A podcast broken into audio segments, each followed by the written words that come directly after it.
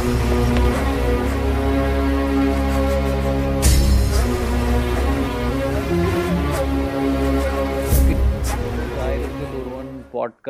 டிரான்ஸ்டர் ஹரியரன் எப்படி இருக்கீங்க?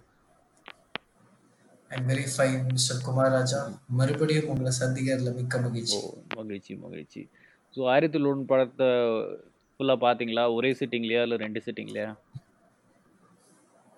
நிறைய சிட்டிங்ல நிறைய வாட்டி பார்த்துருக்கேன். இல்லை இப்போ க இப்போ நம்ம பேசுறதுக்கு முன்னாடி எப்படி? இப்போ வந்து நான் ஒரே சிட்டிங் தான் sit- நான் ஆக்சுவலி ஒரு சிட்டிங்கில் பார்க்கல. என்னோட பிளான் வந்து ஒரே சிட்டிங்கில் பார்க்கணுன்னு ஆனால் என்னால் வந்து அது முடியல டைம் கன்ஸ்ட்ரெயின்ஸ்னால ஸோ ஃபர்ஸ்ட் ஹாஃப் வந்து ஃபுல்லாக பார்த்தேன். அப்புறம் செகண்ட் ஹாஃப் வந்து ஒரு ரெண்டு மூணு தடவை பிரேக் பண்ணி பார்த்தேன். ஸோ ஸோ ஆயிரத்தில் ஒருவன் படத்தை பற்றி ஐ மீன் அந்த படத்தை பார்த்து முடிக்கு பார்க்கறதுக்கு முன்னாடி என்ன யோசிச்சா பார்த்து முடிச்சதுக்கப்புறம் எப்படி இருந்தது ஃபீலிங் இல்லை படத்தை தியேட்டர்லேயோ இல்லை ஃபர்ஸ்ட் டைம் டிவிலையோ எங்கே பார்க்கும்போது ஃபஸ்ட்டு என்ன தோணுச்சு? ஆக்சுவலி வந்து ஃபர்ஸ்ட் டைம் நான் தேட்டரில் தான் பார்த்தேன். என்னோட ஃபேமிலியோட பார்த்தேன். இன்ஃபேக்ட் இன்னும் some six seven eight of guess funny thing is என்னோட ஃபேமிலியோட படம் பார்த்தா எந்த படம் பார்த்தாலும் காமெடியாக தான் ஆயிடும். ஏதாவது கமெண்ட் இருப்பாங்க. So I was the one was defending the movie so என்ன இது இந்த மாதிரி எஃபர்ட்லாம் வந்து how can you make fun of so அந்த மாதிரிலாம் வந்து நான் ரொம்ப டிஃபெண்ட் பண்ணேன் every time I watch Aayirathil Oruvan I go through a wide range of emotions. Firstly, what it could have been, and secondly, what it is, and then uh, uh, why do we, you know, let down such movies time and again? And uh, எனக்கு என்னமோ வந்து it is another movie where it was way ahead of its time. It had terrible flaws, some gross miscalculations, but uh, it's probably one of the most exciting attempts in the past decade, if you ask me. So இதுதான் வந்து என்னோட ஒப்பீனியனும் இருந்தது கொஞ்ச நாளாக but இந்த படத்தை actually இப்போ ஒரு ரெண்டாவது ஒரு அதாவது ஓகே இந்த படத்தை வந்து அனலைஸ் பண்ணணும் அப்படின்னு உட்காந்து பார்க்கும்போது கொஞ்சம் ஒப்பீனியன் வந்து மாறுச்சு. கிட்டத்தட்ட இந்த படத்தை வந்து அப்போ பார்த்து தியேட்டரில் ஓ my god what a film அப்படின்னு யோசிச்சு இந்த கிண்டல் பண்ணுறவங்களெல்லாம் திட்டிட்டு இப்படி வந்து ஒரு படம் பண்ணியிருக்காங்க. இதுவே ஹாலிவுட்டில் பண்ணால் நீங்களாம் வந்து ஆஹா ஓஹோன்றீங்க. நம்ம ஊரில் பண்ணால் இப்படி பண்ணுறீங்களே அப்படின்னு. பட் இப்போ படம் பார்க்கும்போது பர்டிகுலராக அந்த செகண்ட் ஹாஃப்ல வந்து நிறைய வந்து ஏன் இப்படியெல்லாம் பண்ணிட்டான் அவன் அப்படிங்கிற மாதிரி தோணுச்சு எனக்கு. இன்ஃபேக்ட் சில சீன்லலாம் வந்து சிரிப்பெல்லாம் வந்தது எனக்கு. அது வந்து ஓகே அனலைஸ் பண்ணணும்னு உட்காந்து பார்க்கும்போது அந்த ரீமாசனும் பார்த்திபனும் ஒரு கத்தி சண்டை வந்து போடுறாங்க. அது ரொம்ப. சிரிப்பா இருந்தது. அவ என்னமோ இங்க இருந்து இங்க குதிக்கிறா அங்க இருந்து இங்க குதிக்கிறா என்ன பண்றாங்கன்னே தெரியல. I think don't- Reema Sen Reema Sen is the biggest setback to the movie second ஹாஃப்ல தான் uh, this is probably the greatest female character miscast that Selvaraghavan has ever done in his career, I guess. I don't know. I mean, ஏன் uh, வந்து ரீமாசன் வந்து செல்வராக இந்த படத்துல வந்து higher பண்ணான்னு சத்தியமா வந்து எனக்கு தெரியல. இதை பற்றி நான் கோரால் கூட ஒரு ஆன்சர் எழுதியிருந்தேன். யாரோ வந்து கேட்டிருந்தாங்க இந்த மாதிரி எது ஐ டோன்ட் என்ன கேள்வி ஞாபகம் இல்லை. ஐ திங்க் ஆக்சுவலி அந்த கேள்வி வந்து something to do with north Indian ஆக்டர்ஸ்லாம் Tamil படத்தில் நடிக்கிறது பற்றி நீங்கள் என்ன நினைக்கிறீங்க அப்படின்னு. நான் அப்போ வந்து எழுதியிருந்தேன் இந்த மாதிரி சும்மா ஜாலியாக வந்துட்டு போகிற ரோல் மாதிரி இருந்தால் ஒன்றும் பெரிய டிஃப்ரென்ஸ் யாருக்கும் தெரியறதில்ல. இப்படி இப்போ ஒரு ஆயிரத்தில் ஒரு ஒருவன் மாதிரி ஒரு படம் அதில் வந்து ஒரு பெர்ஃபார்மன்ஸ் ஓரியன்ட் ரோல் அப்படிலாம் கொடுக்கணும் அப்படிங்கிற போது இந்த ரீமா இந்த மாதிரி ஒரு ஆக்ட்ரஸ் வந்து அதில் காஸ்ட் பண்ணால் it doesn't make any sense why? வந்து லிப் சிங்க் இல்லை அந்த படத்தில். டயலாக் என்னவோ இருக்கு அவ என்னவோ சொல்லிட்டு இருக்கா. She is not built for that role I mean அங்கங்க கொஞ்சம் நல்லா பண்ணியிருக்கா அவ்வளோதான் but overall it was it was so bad எனக்கு தெரிஞ்சு அந்த படம் வந்து ஃபெயில் ஆனதுக்கு நிறைய காரணங்கள்ல வந்து முக்கியமான காரணம் ஒன்று கண்டிப்பாக நான் வந்து அவ்வளோ சொல்லுவேன் I actually think that uh, she was pretty convincing, right? So uh, there was problem with the character arc also. I don't know. I mean, uh, definitely lip sync was a bad, bad uh, problem. But second half, la, even any other established actress or uh, maybe you know Tamil Nadigayo could have could they have done any justice to some of the scenes? I don't know. It was just you know exaggerated because of uh, Remosin's inadequacies, I guess. I don't know. I think it's a mix of both writing as well as uh, her performance, but definite miscast. And uh, the worst thing is that she made Andrea's casting look like a masterstroke. So that was something else. கண்டிப்பா இல்ல Andrea வந்து மோசம்னு சொல்ல முடியாது but okay. எனக்கு தெரிஞ்சு அந்த ரோலில் அவ்வளோ நடித்ததே போதும். அட்லீஸ்ட் இந்த தடவை வந்து டீட்டெயிலாக பார்க்கும்போது, அவ வந்து மோசமா நடிச்சிருக்கா அப்டின்லாம் சொல்ல முடியாது. ஓகே அந்த ரோல்ல எவ்வளோ. பண்ண முடியுமோ, ஐ மீன் ஆப்வியஸ்லி இன்னும் நல்லா நடிச்சிருக்கலாம் அப்டின்னு சொல்லலாம். But okay. இத வச்சும் யூ கேன் லிவ் வித். சரி நம்ம வந்து இந்த படத்தோட ஒரு ஃபர்ஸ்ட் 5 மினிட்ஸ் 12 செகண்ட்ஸ்லயே இவ்ளோ குறை சொல்லிட்டோம். So maybe we can start. Positives. ஏன்னா, this is such a fan. Favourite movie. இன்னும் கூட நெறைய பேர் வந்து "ஆயிரத்தில் ஒருவன் 2" எப்போ. வருமா அப்டின்னு கேட்குறாங்க. டிஸ்பைட் இவ்ளோ வந்து ம். குறைகள் இருந்தும், maybe we can talk about the positives. Maybe நீ நீ வந்து சொல்லலாம். Sure. Uh, I actually think you know the second half is a positive uh, because I couldn't wait for some of those uh, adventurous scenes to get over because of some uh, unbelievably pathetic uh, computer graphics. Uh, see, the again it kind of gets into the negative, but let me start with my first feeling when I think of this movie, right? So I think number in the contemporary directors, I don't think any director has uh, given a peep into their life like Selvaraghavan. So let me explain, right? So எனக்கு இந்த செல்வராகனோட படத்தை நீங்க chronologically if you analyse it's almost as if he writes something directly from his life so Thulluvadho Ilamai பார்த்தீங்கன்னா it is like all this teenage love and all those kind of you know juvenile experiences if you call that way அதுக்கப்புறமா வந்து uh, uh, Kadhal Kondein is probably you know first love failure can look at it and Seven G Rainbow Colony which I think is is best movie is almost autobiographical, uh, you know, uh, where probably you know he he kind of found himself that he can also be of some use, I guess. I don't know. அதுக்கப்புறமா வந்து I'm thinking that அவனோட ஏஜுக்கு வந்து he might have gotten little adventurous and that is when you know he wanted to do ஆயிரத்தில் ஒருவன் so எனக்கு வந்து as much as I loved the first three Selvaraghavan movies I was so happy that you know like he did something totally different. I was getting tired of all these uh, you know stereotypical men uh, that he was trying to you know portray in his movie. So first positive is that you know like Selvaraghavan had the audacity to try out something entirely new, not only uh, deviating from his career graph but also you know something that no one else uh, Tamil cinema had uh, tried. அப்புறமா நான் யோசிச்சு பார்த்தேன் அதே மாதிரி. என்னடா இது? நம்ம இவ்வளோ கிரேட் கொடுக்குறோமா? இந்த அட்டம்ப்ட்டுக்கு ஒரே ஒரு இன்டரப்ஷன் செல்வராகன் வந்து செவன் ஜிக்கும் ஆயிரத்தி ஒரு நடுவுலையும் ஆக்சுவலி ரெண்டு படம் எடுத்திருக்காரு. ஒன்று Pudhupettai. Pudhupettai correct one is Pudhupettai. இன்னொன்று வந்து தெலுங்குல வந்து Aadavari Matalaku Ardhalu வேறுல So this uh, Ni Mogini Telugu movie, I would uh, see it as a uh, trilogy of you know this uh, uh, 7G Kundin and uh, you know that as a trilogy. Again, I have a theory that you know like as he became a better person, his male characters also evolved. Uh, and I'm not judging him, but uh, no, no, no, it, it made some kind of sense. So, so it's fine. Yeah, yeah. Uh, I think he would also admit it. I guess, right? I mean, uh, uh, I mean, at least the only thing that you can இல்ல இது செல்வராகவனே ஏதோ ஒரு இன்டர்வியூல சொன்னதா. ஞாபகம் இருக்கு. என்னோட லைஃப்பும் அதோட படங்களும் வந்து ரிஃப்ளெக்ட் Yeah, தான். இருக்கு. ஒன்றும் இன்ஃபேக்ட் ஆயிரத்தில் ஒருவன் ஆயிரத்தில் ஒருவன் வந்து அவர் டிசாஸ் he calls it disaster in his filmography அதுக்கப்புறம் மயக்கம் என்னெல்லாம் கூட கிட்டத்தட்ட என் லைஃப் மாதிரி தான் இருக்கு இப்போ லைஃப் ரொம்ப மோசமா போயிட்டு இருக்குன்னு நினைக்கிறேன்.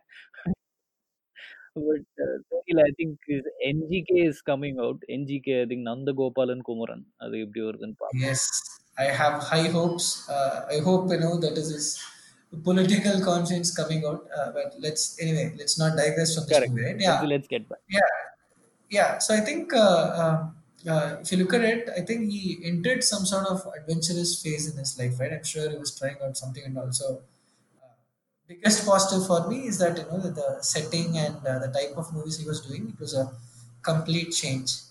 And secondly, எனக்கு வந்து uh, we always uh, seem to adore Harry Potter series, அப்புறம் Lord of the Rings, இப்போ Game of Thrones, Game of Thrones. So in the history, uh, kings, mythology, fantasy, uh, it, it, it's, it's a very uh, dizzy concoction, right? So தமிழ்ல வந்து அந்த மாதிரி justify பண்ற மாதிரி movies has is there single movie that that that uh, done justice justice to this genre. I don't know.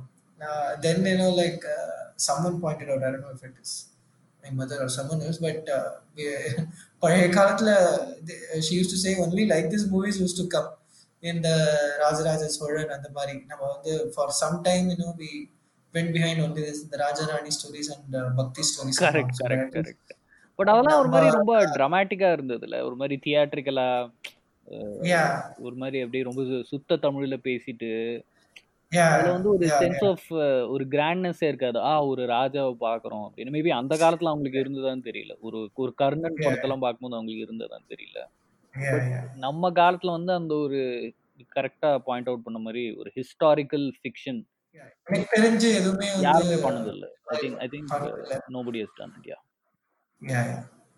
Uh, the my second thing, uh, uh, I mean, there are two things, right? One is the actual story plot, and then there is filmmaking. I think we can all agree that uh, filmmaking could have been better. But as a story, uh, I actually thought it was uh, pretty tight, right? I mean, can grudges be carried over multiple generations? And can it be made some sort of, um, you know, a system which is kind of operating against a bunch of people who are far away from their homeland. I think that's a very interesting plot. And i thought that came out very very convincingly. I was sold on the core plot. You know i mean uh, that is where i would probably forgive Rima Sen, right? I mean when she spits when she goes back you know i thought okay she kind of sold her character and uh, yeah I think she's not a complete failure அதான் அங்கங்க வந்து she has done some good work இந்த இந்த ஒரு கோவம் இந்த திமிரு Hmm. இந்த ஒரு பழி வாங்குற உணர்ச்சி அதெல்லாம் வந்து she has shown very well but overall Hmm. as a character i don't think she sold it but yeah go on Yeah, yeah. So uh, I was very happy that you know, like such a story was at least imagined at such a grand scale, right? So that is another positive. And um, and நிறைய சின்ன சின்ன touches இருக்கு இந்த படத்துல. அது வந்து easter eggs all over the place so அது வந்து it's an absolute joy right I mean எனக்கு இந்த பார்த்திபனோட one or two very witty short one liners எனக்கு ரொம்ப பிடிக்கும். அந்த மாதிரி you will find a lot of these moments இந்த movie right so I thought it respected the viewer நமக்கு இப்போல்லாம் காமெடி எனக்கு படம் காமெடி படம்னாலே எனக்கு பயமா இருக்கு. ஏன்னா வந்து ஐயோ அப்பா இந்த சூரி இந்த ஈவன் சந்தானம் இவங்கெல்லாம் வந்து they don't respect the viewers in my opinion விட்டியாவே இல்லை எதுவுமே. அந்த மாதிரி இருக்கும்போது I thought it was really class it had some real class moments right for instance இந்த கன் ஷாட்ஸ்லாம் பத்தி பேசும்போது இந்த மாதிரி ஒன்று இருக்கு நீங்க சொல்லவே இல்லையா? அப்படிங்கிற மாதிரி இருக்கட்டும். படத்தோட கிளைமேக்ஸ்ல வந்து சொல்லுவோம். yeah, Parthiban yeah. Yeah, yeah. இந்த மாதிரி மாதிரி நிறைய மூமெண்ட்ஸ் இருக்கு. அதே மாதிரி இப்போ ரீசெண்டா when I wanted to really understand this movie I I found lot of symmetries in screen in right right? I don't if symmetry is a right screenplay first கார்த்தியோட இன்ட்ரடக்ஷன் பார்த்தீங்கன்னா வந்து ஃபுல்லாக அப்படியே பச்சை பச்சையாக கேட்ட வார்த்தையெல்லாம் பேசிட்டு அப்படியே ட்ரெஸ் எல்லாம் அப்படியே அரைகுறையாக போட்டு அப்படியே கார்லேருந்து வெளியில் வர மாதிரி இருக்கும். நம்மளாம் கொஞ்சம் அப்படியே லைட்டாக முகம் சொல்லிக்கலாம் depending upon who you are with maybe ஃப்ரெண்ட்ஸோட போனீங்கன்னா விசில் அடிப்பீங்க ஃபேமிலியோட போனால் என்னடா இது? அப்படின்னு இருக்கும். பட் கொஞ்ச நேரம் கழிச்சு பார்த்தா ஆண்ட்ரியாவும் ரீமாசனும் இங்கிலீஷ்ல சண்டை போட்டுக்கிறாங்க. எல்லாரும் கை தட்டுறாங்க. எனக்கு வந்து I found that symmetry to be very very interesting எனக்கு I felt little guilty because the way I reacted to this two scenes but இந்த சீனுக்கு வந்து தியேட்டர்ல கை தட்டினாங்களா? செம்ம கை தட்டல். What you think I don't know அது எஸ்பெஷலி கார்த்தி திடீர்னு "ஏய், இன்னாங்கடி அப்படின்னா ஐயோ எல்லாரும் இல்ல எனக்கு ஞாபகம் இல்ல பட் இந்த சீனுக்கு கை தட்டினதான் எனக்கு ஸ்பெசிஃபிக்கா ஞாபகம் இல்லை. ஆக்சுவலி நானும் வந்து ஃபேமிலியோட தான் போயிருந்தேன். ஸோ தெரியல பட் ஐ எனக்கு வந்து ஞாபகம் இல்லை but I, I, I found it to an unbelievable symmetry, right? அங்க எப்படி வந்து you can play with the audience reactions. And அதே மாதிரி இன்னொன்னு என்ன பார்த்தேன்னா அங்க ஃபர்ஸ்ட் வந்து ரீமா சென் வந்து கார்த்தியை ஷூட் பண்ற மாதிரி மிரட்டும் போது அப்படியே பயந்து ஒரு மாதிரி வந்து he will give a reaction oh god okay நமக்கு வேற வழியே இல்லை அப்படின்னு அதாவது pulls the trigger but uh, uh, the shot doesn't get fired ஆனா வந்து when they go absolutely you know uh, when they are in delirium அங்க வந்து he actually gets shot and he's happily jumping and running around நான் நினைச்சேன் என்னடா இது அப்போ வந்து தப்பிச்சான்னா இப்போ வந்து இப்படி சிரிக்கிறானே அந்த மாதிரி so if you actually notice I think noted down some four five such symmetric scenes right I mean uh, okay, I don't want to bring this, but they drink urine, and then there is a very gross scene where uh, Rima Sen pees in a pot. So, இந்த மாதிரி நிறைய scene வந்து I thought was very very இல்ல இந்த urine குடிக்கிறது நான் note பண்ணலையே அது எந்த I mean don't they consume their own excreta or something like இல்ல இது எனக்கு அட்லீஸ்ட் பார்த்த ஞாபகம் இல்ல. இந்த ரீமா சென் வந்து ஒரு பானைக்குள்ள தன்னோட யூரின் போறது அந்த சீன். செகண்ட் ஹாஃப்ல வருது. என்னோட அண்டர்ஸ்டாண்டிங் என்னன்னா அதுவும் நான் ஒரு ரெண்டு மூணு ஃப்ரெண்ட்ஸோட அந்த படம் அந்த நேரத்துல டிஸ்கஸ் பண்ணியிருந்தேன். ஸோ அவ வந்து பார்த்திபனோட கூடணும். அதாவது she wants to have sex with him. அதை வந்து அவ ஒரு இன்டென்ஷனா சொல்லும்போது they check basically for virginity. Oh. அதுதான் என்னோட அண்டர்ஸ்டாண்டிங் ஸோ. அவளோட யூரினை வந்து டெஸ்ட் பண்ணி உடனே அவன் அந்த யூரின் பண்ணிட்டு ஐ மீன் யூரினேட் பண்ணிட்டு அந்த பானை வந்து அந்த ஒரு கிழவிக்கிட்ட கொடுப்பேன். அண்ட் அவ இதுலயே ஒரு ஹர்போ ஏதோ ஒரு மூலிகை அதில் போட்டு டெஸ்ட் பண்ணுவா. அதுக்கப்புறம் அவ வயிற்று அந்த அப்டோமென் அந்த யூட்ரஸ் ப்ராபப்ளி இருக்கிற இடத்துல வந்து அவங்க வந்து அந்த ப்ரெஸ் பண்ணி பார்ப்பாங்க. ஒருவேளை ப்ரெக்னெண்டா இருக்காளா? இல்லை வேற ஏதாவது. ஸோ அதுதான் வந்து ஆக்சுவலி இந்த மாதிரி நிறைய சீன்ஸ் வந்து செகண்ட் ஹாஃப்ல நிறைய பேருக்கு புரியல. ஸோ ரொம்ப சீரியஸ் ஆயிடுச்சு. அது கிட்டத்தட்ட செல்வராகவன் வந்து ஓகே ஃபர்ஸ்ட் ஹாஃப் வந்து நான் உங்க எல்லாருக்கும் ஒரு படம் எடுக்கிறேன் செகண்ட் ஹாஃப் வந்து நான் எனக்காக எடுத்துக்கிறேன் Yeah, that, அப்படிங்கிற that, மாதிரி that இருந்தது is negative that I would like to touch. But uh, when we are on positives, I thought, uh, uh, I don't know if you felt this, but the Yeah, yeah. war scene and the war atrocities on those guys uh, uh, kind of uh, resonated with me uh, because of all the uh, Tamil Elam war and all the you know uh, atrocities that were coming out. Correct correct but we will come back to that அது அந்த தமிழ் இடத்தோட இந்த படத்துக்கு ரொம்ப close connection இருக்கு will come to it but you can finish on the Yeah, I positive think um, uh, I actually, you know, the, the background music is underrated. Uh, I think the songs are of average quality. கண்டிப்பா கண்டிப்பா big Yeah, fan yeah. So கண்டிப்பா the songs were average, but uh, I thought uh, Yuvan Illama background music would suffer, but uh, I, I liked, uh, GEP had done a very, very uh, reasonable job. And uh, biggest positive is Karthi and Parthiban, right? I mean, uh, uh, they are as good a casting as uh, Rima and Andrea are as bad. So I, I thought, you know, like he just absolutely nailed that role. And uh, uh, Parthiban just fit into that uh, Tamil black uh, uh, king uh, like uh, to a T item. So that is something I love yeah I I know that's all from me உங்களுக்கு என்ன பிடிச்சது? Positive படத்துல ஐ மீன் நீங்க எனக்கு வாங்க போங்கன்னு இருந்து கூப்பிடுறது தெரியல. இல்ல ஆடியன்ஸ் கிட்ட வந்து டைரக்டா நீங்க பேசுறீங்கன்னு தெரியல. படத்துல வந்து எனக்கு தெரிஞ்சு ஃபர்ஸ்ட் ஆஃப் வந்து முழுக்க முழுக்க ஒரு பாசிட்டிவ் அது வந்து நான் இந்த படத்தை வந்து நிறைய தடவை ரீவாட்ச் பண்ணியிருக்கேன். இப்போ ரீவாட்ச் பண்ணும்போது நான் வந்து ரியலைஸ் பண்ண ஒரு விஷயம். நான் ரீவாட்ச் பண்ண எல்லா டைம்ஸுமே வந்து நான் ஃபர்ஸ்ட் ஹாஃபோட நிறுத்திட்டேன். அந்த இன்டர்வல் தாண்டி நான் அதை பார்க்கவே இல்லை. அந்த ஃபர்ஸ்ட் ஹாஃப் ஃபுல்லாக இருக்கிற அந்த ஒரு ஒரு ஃபேண்டசி எலிமெண்ட் வந்து எந்த ஒரு தமிழ் படத்துலையும் இல்லை. இது வரைக்கும் அட்லீஸ்ட் எனக்கு தெரிஞ்ச அதுக்கப்புறம் பாகுபலி அதெல்லாம் வந்தது. பட் என்னமோ எனக்கு பாகுபலி எல்லாம் இன்னொரு தடவை பார்க்கறதுக்கெல்லாம் இஷ்டம் கிடையாது. It just seems very pointless ஸ்டார்டிங்ல இருந்து அந்த இருக்கிற எம்ஜிஆர் ரெஃபரன்சஸாக இருக்கட்டும் தியேட்டர்ல இருக்கும்போது அந்த சாங் வந்து எனக்கு ஒரு பயங்கர. சர்ப்ரைஸாக இருந்தது. அந்த ஆல்பம்ல இருந்ததா இல்லையான்னு எனக்கு தெரியல. அவங்க அந்த அதோ அந்த பறவை அது ரீமிக்ஸ்னு தெரிஞ்ச உடனே எனக்கு ஒரு ஒரு முகத்துல தானாவே ஒரு சிரிப்பு வந்தது. ஓ பரவாயில்லையே இது இட்ஸ் வெரி நைஸ் அதுவும் யா அது first half was like Selvaraghavan completely own the film அது வந்து. ஸ்டார்டிங் அப்படியே அந்த ஒரு தஞ்சாவூர்ல இருந்து ஒரு பிளேல இருந்து உடனே ஒரு பேக்ரவுண்டுக்கு ஒரு வாருக்கு போறதுல ஒரு ஒரு சீனும் வந்து I think he just kept going okay okay okay this this it அப்படின்னு போயிட்டு இருந்த மாதிரி இருந்தது எங்கேயுமே அதாவது uh, it's like doing every scene with confidence எங்கேயுமே ஸ்லிப் ஆகணும் ஸ்லிப் ஆகுற மாதிரி எனக்கு is தெரியல my theory. I, Uh, I think second half is a way better half than the first half. But the problem for the second half is that it is so disconnect from the first half that you know that people exactly exactly but first ஹாஃப்க்கும் second ஹாஃப்க்கும் சுத்தமாக ஒரு கனெக்ஷனே இல்லை இது ஒரு genre இது வந்து கிட்டத்தட்ட first half வந்து ஒரு yeah. ஜோன்ஸ் அந்த ஒரு படம் மாதிரி இருக்கு செகண்ட் ஹாஃப் வந்து ஏதோ ஒரு அதே ஸ்டீ ஸ்பீல்பர்க் எடுத்த ஒரு ஷின்லஸ் லிஸ்ட் படம் மாதிரி absolutely. இருக்கு so it just has no connection I think அந்த ஜான்ரா ஷிஃப்டே வந்து ஒரு பெரிய issue but let me again focus on the I think that is why people uh, hate second half. I think, but for me, I think second half was much more tighter. First. ஹாஃப்ல Anyway, வந்து எல்லாமே எல்லா I think first half was just way too fantastic அதுவும் அந்த ஒரு இடத்துலலாம் வந்து எனக்கு புல்லரிப்பு வந்தது. அந்த ஒரு அது அது என்ன ஐ திங்க் டெசர்ட்டுக்கு அது பேர் என்ன? டெசர்ட்டுக்கு தமிழ்ல என்ன சொல்லுவாங்க?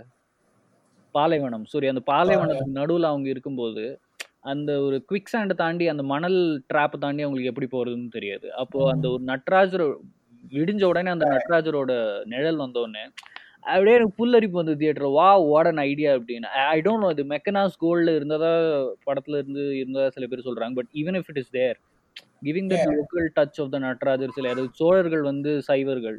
அவங்க வந்து பெரிய. சைவ பக்தர்கள். அந்த ஒரு டச் கொடுத்தது. அதெல்லாம் இட் வாஸ் ஃபென்டாஸ்டிக் அது தவிர the way he use Karthi இந்த first half was like is fantastic இருந்துச்சு அண்ட் கார்த்திக் வந்து this a dream second movie I mean கார்த்திகோட filmography பார்த்தா ஃபர்ஸ்ட் டூ ஃபில்ம்ஸ் வந்து வாவ் அப்படின்னு இருந்தது அதுக்கப்புறம் அப்படியே டிக்ளைன் ஆச்சு அது வேற விஷயம் uh, பருத்தி வீரன் uh.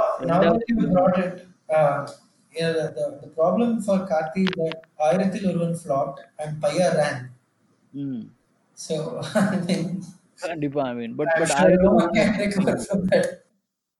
I think Aayirathil Oruvan வந்து ஐ திங்க் கார்த்தி வந்து you must probably cherish it so ஒரு ஒரு சீனும் ஐ மீன் அந்த ஒரு சில ட்ராப்ஸ் எல்லாம் ஐ மீன் கொஞ்சம் லூசனமாக இருந்தது பட் ஸ்டில் ஒரு பயம் உண்டாக்குச்சு அந்த கடல்ல இருந்து வர ஒரு மீனோ இல்லை ஏதோ ஒரு Oh அனிமல். Oh அ- அதுக்கு say I think I think the budget he had on his hands வந்து அவ்வளோதான் இருந்தது and they did whatever This, this is what I uh, I see. It's a debate in itself. But uh, once you have committed, um, I think you should take a call if it is too amateurish or not. நிறைய பேர் I real world to do that kind of thing I will not comment ஏன்னா அதை பற்றி பெருசாக details தெரியல. But otherwise அந்த முதல் drop அது வந்து கொஞ்சம் ஒரு மாதிரி இருந்தது. But still it puts that fear in you okay இந்த படம் வந்து it starting to get serious but அதுக்கு முன்னாடியும் அந்த கமர்ஷியல் எலிமெண்ட்ஸ் காமெடி அதெல்லாம் இருந்தது. எப்படி வந்து ஹிக்கி கார்த்தி வந்து ஆண்ட்ரியாவை இம்ப்ரெஸ் பண்ண ட்ரை பண்ணிட்டே இருக்கிறது பட் அவ வந்து ரெஸ்பான்ஸே கொடுக்கறது இல்லை. அண்ட் ஸ்லோலி அவங்க ரெண்டு பேருக்குள்ள ஒரு பாண்ட் டெவலப் ஆகுறது. And they kind of figure out that அவங்க ரெண்டு பேருமே அவுட் சைடர்ஸ் இந்த குரூப்ல ஒரு பாயிண்ட்டுக்கு மேல. எப்போனா அவளை வந்து அந்த ஒரு பாம்பு சீன்ல வந்து கிண்டல் பண்ணி அனுப்பிச்சிருவாங்க எல்லாரும். கிட்டத்தட்ட ஹாரஸ் பண்ணி அனுப்பிச்சிருவாங்க ஆக்சுவலி கிட்டத்தட்ட ஹாரஸ் பண்ணியே தான் அனுப்பிச்சிடுறாங்க அதுக்கப்புறம் அந்த ஒரு ரெட் சிவப்பு ஆதிவாசிகள் வந்து எல்லாரையும் இவ கார்த்தியோட ஆளுங்களெல்லாம் கொன்னதுக்கு அப்புறம் that was actually very serious scene ஒரு கமர்ஷியல் ஃபிலிம் மாதிரி ஜாலியா போயிட்டு இருந்து அந்த சில பேர் வந்து செத்து அவனோட மாமா வந்து தலையை வெட்டி கொண்டுடுவாங்க and then he is being forced to but, go on but, but tell me, I mean, if uh, if they actually wanted to make a tighter film, they could have dispensed with, uh, say, the snake scene or uh, the cuddling where I don't know insect or anything on the scene. ஏதாவது could have cut இல்லையா. ஐ think அந்த கடல்ல இருந்து வர அந்த மீன் சீனை வந்து ஒரு ஒரு வேளை கட் பண்ணியிருக்கலாம் அது ஒரு அவங்க ஒரு கடல்ல முழுகிற மாதிரியோ அப்படி ஏதோ காமிச்சிருக்கலாம். இல்லை போட்டு உடையிற மாதிரி காமிச்சிருக்கலாம். I mean just I'm thinking out of we know if they but அந்த பாம்பு வந்ததுக்கான ஒரு இன்னொரு காரணம் என்னன்னா I think that was a way to get three of them away from the rest of the crowd. அவங்க மூணு பேர் மட்டும் டிராவல் பண்ணி போறதுக்கான ஒரு வழி அது இன்னொரு வழியா பண்ணியிருக்கலாமா கண்டிப்பா மேபி முடியவும் முடியாதுன்னு சொல்ல முடியாது. But I think that was just an idea that they took அவங்க மூணு பேரை வந்து ரெஸ்ட் ஆஃப் த crowdல இருந்து பிரிச்சு Yeah. அவங்க மூணு பேர் போற ஒரு ஜேர்னியை காமிக்கிறது. பட் அது அந்த படத்துல நிறைய? ஒரு பாயிண்ட்ல வந்து அவங்க வெயிட் yeah. அவங்க ஏன் வந்து போனாங்கன்னு தெரியல. அந்த மாதிரி நிறைய ஆக்சுவலி அதாவது பிளாட் ஹோல்ஸ்னு பார்த்தா அதுக்கு தனியாவே ஒன்று பண்ணலாம். பட் அந்த நேரத்தில் அது தோணல. படத்துலேருந்து வெளியில் வந்து ஒரு ரெண்டு நாள் கழிச்சு தான் தோணுச்சு. ஓ ஓகே இப்படி கூட பண்ணியிருக்கலாமே அவங்க ஏன் இதெல்லாம் பண்ணல அப்படின்னு. But first half till the interval this is this is pure this thing. அதுவும் அந்த ஓ ஆசை தான். பாட்டு முடிஞ்சதுக்கப்புறம் நடக்கிறது வந்து இட் வாஸ் ரியலி ஓகே அந்த இன்டர்வல் முடியும் போது ஐ ஐ வாஸ் இந்த theatre and everybody was gasps make oh வா வாட் அ ஃபில்ம் அப்படின்னு இருந்தாங்க. அவங்க மூணு பேரும் அந்த பைத்தியம் பிடிச்சி ஓடி போறது அடுத்து அவங்க எங்க ஓடி போறாங்கன்னு யாருக்குமே தெரியல. அதனால அந்த ஸோ தியேட்டர் இந்த படத்துல வந்து இன்டர்வெல்ல ஒரு ரியாக்ஷன் படம் முடிஞ்சதுக்கு அப்புறம் கம்ப்ளீட்டா டிஃப்ரெண்ட் இன்டர்வெல் வந்து வா வாட்டர் ஃபில்ம்னு சொன்னாங்க படம் முடிஞ்சதுக்கு அப்புறம் என்னடா படம் இது இதெல்லாம் ஒரு படம் தான். அப்படி The, when we are too discrediting of Rima Sen. And the interval scene, she would have absolutely owned it. Huh? She will give a kiss Exactly. to Andrea. அவ்வளோ happiness அவ்வளோ relief இருக்கும் ஃபேஸ்ல கண்டிப்பா ஐ திங்க் இன்டர்வல் வரைக்கும் it was fine but interval முடிஞ்சதுக்கு அப்புறம் படம் வந்து கம்ப்ளீட்லி வேற So, ஒரு uh, track is this the major problem? Was it supposed to be a two part series or something like that? Or was it a sequel that was planned and he abandoned the idea? தெரியல அந்த details நான் படிக்கல நான் நான் நிறைய படிச்சிருக்கேன் இந்த படத்தை பற்றி பட் கண்டிப்பாக I think Aayirathil Oruvan he had a sequel in mind but அந்த சீக்குவலும் சேர்த்து ஆயிர செல்வராகவன் ஃபிலிம் பண்ணாராங்கிறது வந்து டவுட்ஃபுல் தான் uh, okay for instance, if uh, Karthi is walking with that uh, boy, right? Again, uh, you can have a separate story whether they came back or not. Now, the kickle, was it the, the actual film that got released as a single film? Or இல்லை I don't think was it planned as a two part film? இல்லை இல்லை. கண்டிப்பாக இது வந்து ஒரு படம் தான். But I think Selvaraghavan வந்து he wanted to give a very different treatment to the second half and I think he got full freedom to do it but it did not turn out well என்னை பொறுத்து என்ன கேட்டால் அதுதான் வந்து explanation வேற எந்த காரணமும் சொல்ல முடியாது. இது, do you think uh, Selvaraghavan வந்து அவ- do you think they could have uh, edited it in a non-linear way? Uh, சில நான் லீனியர் இருக்குது படத்தில்.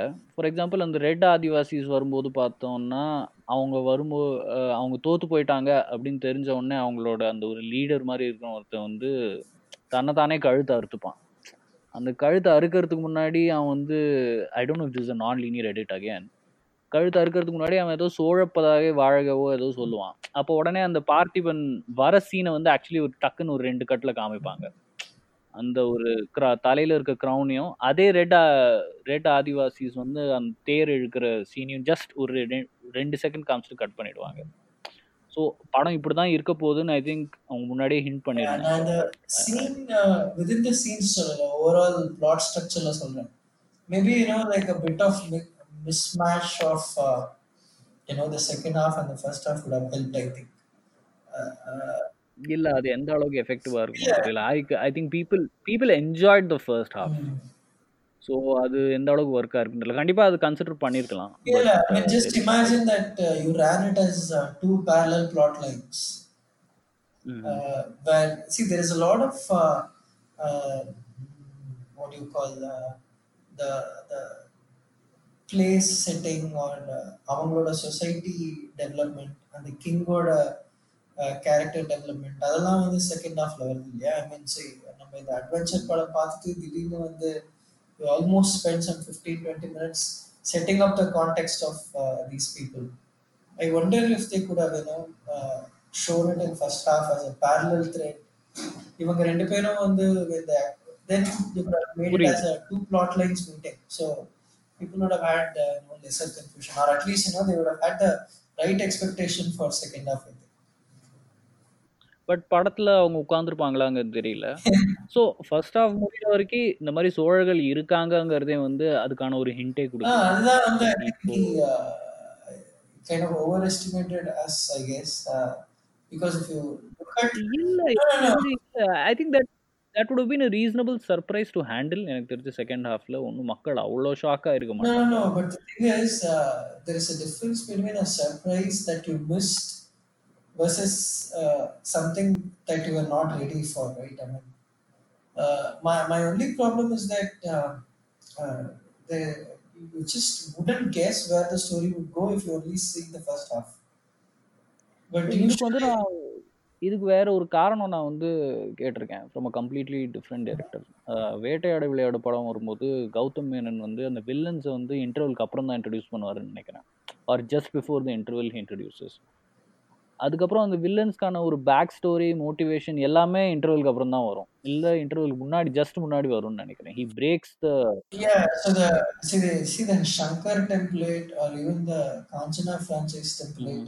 all of them have this uh, massive uh, flashback in the beginning of the second half, right? Uh, I think that is a very tried and uh, tested method because uh, if you finish the first half in a crescendo, people would afford you some time for all this you know, story building and. Exactly involved. Exactly But uh, but there should be you should be emotionally invested in the story.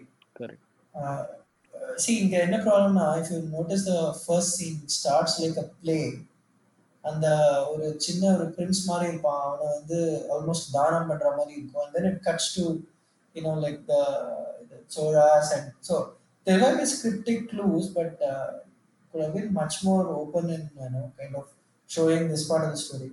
But அது அவ்வளோ கஷ்டமா இருந்ததான்னு தெரியல. I think ஓரளவுக்கு அது ஆடியன்ஸை respect பண்ணி பண்ணது தான் அந்த ஒரு நாடகம் நடக்குது. அதுக்கப்புறம். உண்மையிலேயே ஆர் அட்லீஸ்ட் ஃபிக்ஷனலி அந்த யூனிவர்ஸில் வந்து ஒரு சோழ ராஜா வந்து தன்னோட பையனை வந்து அனுப்பிச்சிடுறாரு. அது வந்து I think that was fine I think people got that but நிறைய. டீட்டெயில்ஸ் செகண்ட் ஹாஃப்ல நிறைய பேருக்கு புரியாது. ஃபார் எக்ஸாம்பிள் அந்த யூரின் சீனாக இருக்கட்டும். இன்ஃபேக்ட் அவங்க பசியில தாகத்துல தண்ணி இல்லாம ம். கஷ்டப்படுறாங்க பேசி அவங்க வந்து தண்ணி இல்லாத ஒரு காரணத்துக்காக தான் அந்த மாதிரி உள்ள போய் ஒரு குகையில இருக்காங்க இது வந்து நிறைய பேருக்கு வந்து ஆக்சுவலி புரியல. பார்த்திபன் வந்து ஃபர்ஸ்ட் சீன்ல அந்த.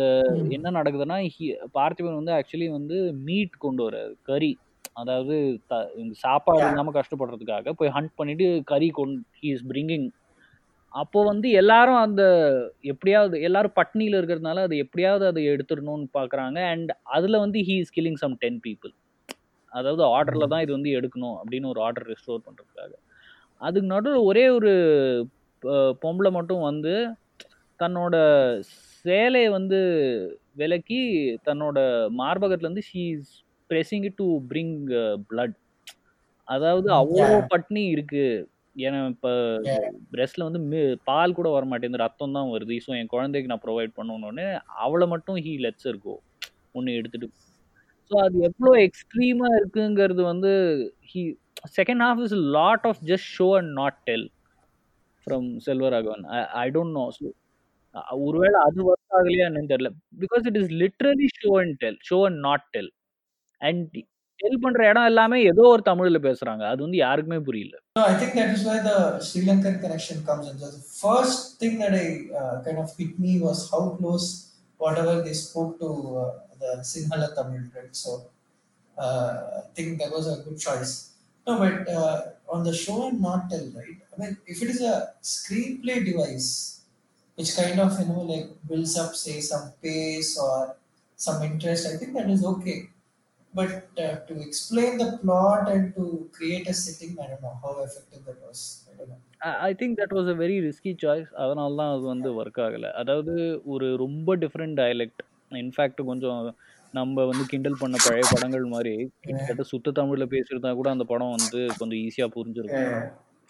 அவங்க வந்து கிட்டத்தட்ட ஒரு இலங்கை அது okay is an interesting point you made இப்போ அவங்க பேசின தமிழ் வந்து இலங்கை தமிழுக்கு வந்து க்ளோஸாக இருக்கான்னு எனக்கு தெரியல. ஏன்னா நான் இலங்கை தமிழ் வந்து அவ்வளோ கேட்டதில்ல. நான் மேக்ஸிமம் கேட்டது வந்து தெனாலியில் கமல்ஹாசன் பேசினது தான் அப்புறம் அங்கங்கே ரெண்டு மூணு படத்தில் மேபி பார்த்துருக்கலாம். அவங்க யூஸ் பண்ணுற வார்த்தைகள் சில வார்த்தைகள்லாம் ரொம்ப நல்ல தமிழ் மாதிரி இருந்தது. கொணர்ந்தது வந்திருக்கிறதுன்னு நல்ல வார்த்தமானம் தானா? ஐ திங்க் சோன் சோழர்ங்கிறத வந்து அவங்க சோனர் அப்படின்றாங்க. அது வந்து பழைய தமிழான்னு எனக்கு தெரியல. நீ நீ ஸ்கூல்ல தமிழ் படிச்சனால ஒரு சொல்ல எனக்கு ஸ்கூல்ல இது சொல்லி தந்தது இல்ல பட் தமிழ் அட்லீஸ்ட். நான் வந்து ஸ்கூல்ல படிக்கல. ஸோ என்னோட தமிழ் நாலேஜ் வந்து உன்னோட குறைச்சல். அதனால அது நிறைய பேருக்கு தியேட்டர்ல படம் போய்கிட்டு இருக்கும்போதே புரியல. ஓ என்ன சொல்றாங்க என்ன சொல்றாங்க. இல்ல, இதெல்லாம் தான் வந்து can very easily become caricaturish, but I mean, you have to respect the ideation, I guess. That's all you can do. Okay but anyway No, but uh, now the symmetry பத்தி சொன்னேன் இல்லையா ஸ்டார்டிங்ல so very funny thing I don't know if this was intentional அந்த சிவன் பாட்டு ஒன்று வரும் இல்லையா first ஹாஃப்ல ஆமா. ஆமா. That is actually set to this Srinivasa tune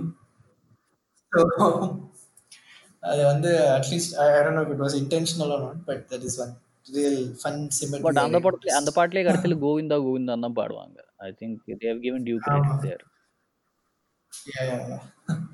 thought it was like uh, right in the gut, right? I mean, எது அந்த இந்த- பாட்டு சொல்றியா? ஓம் ஸ்ரீனிவாசா நா நா நா நா நா அந்த பாட்டு. இல்ல ஸ்ரீனிவாச கோவிந்தா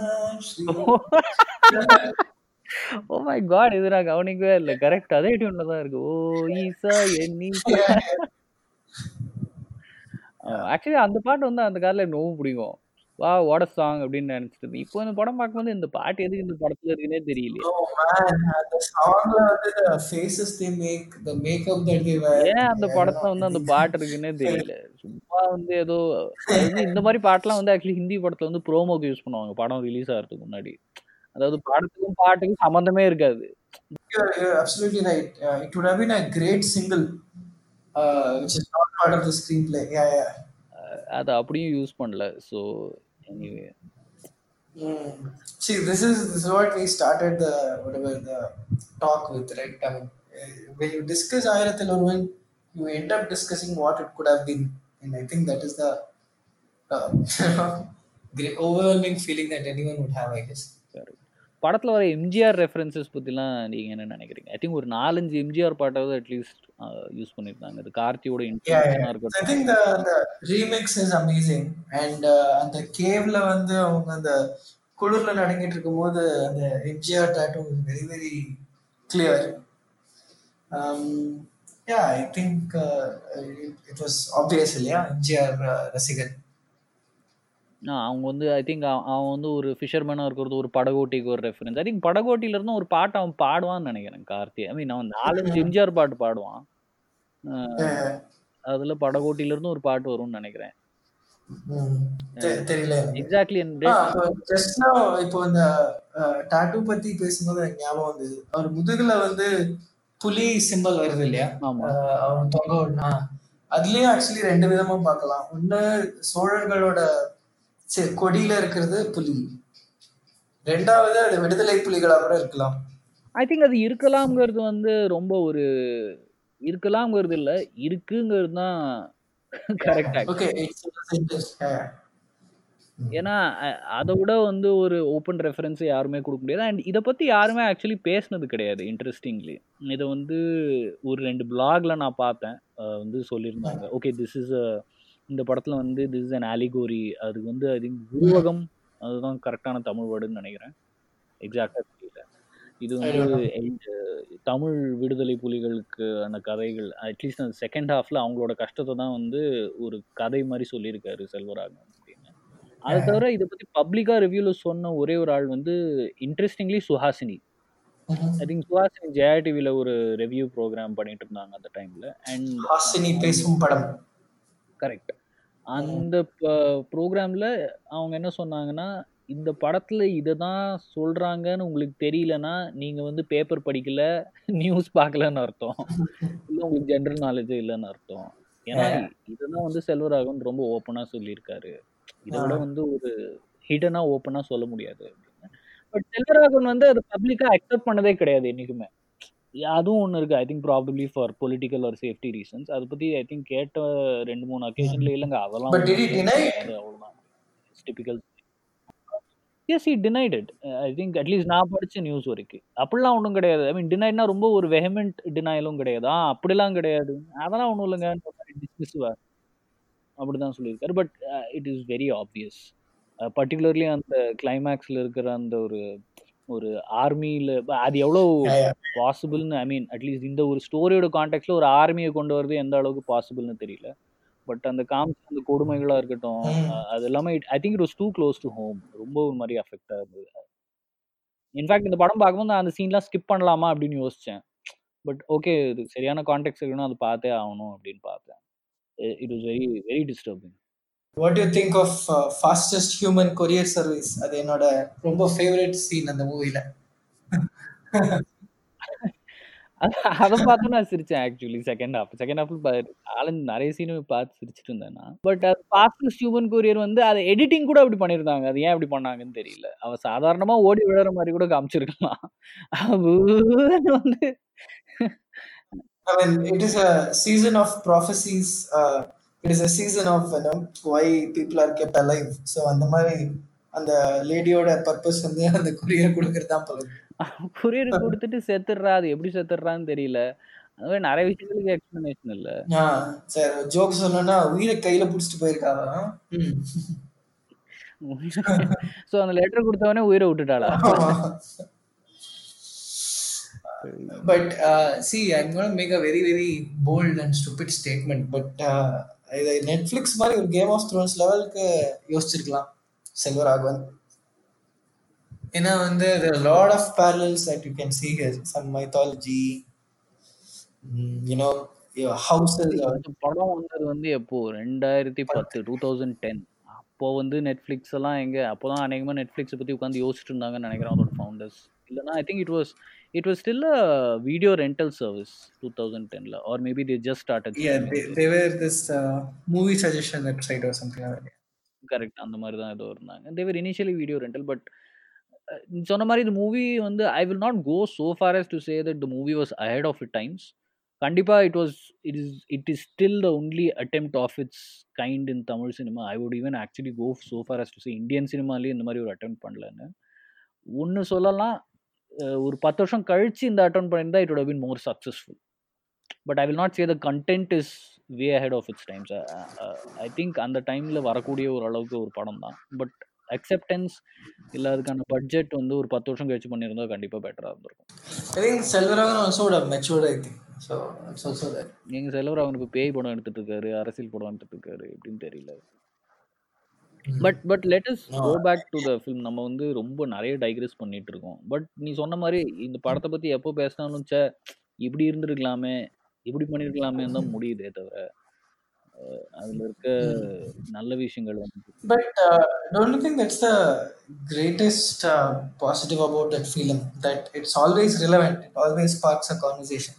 இல்ல கண்டிப்பா இருக்கு I mean yeah that is there but it would have been better if it had been Mm. இன்னும் நல்லா இருந்தா இன்னும் நிறைய கான்வர்சேஷன் வந்து அதுல பண்ணிருக்கலாம்.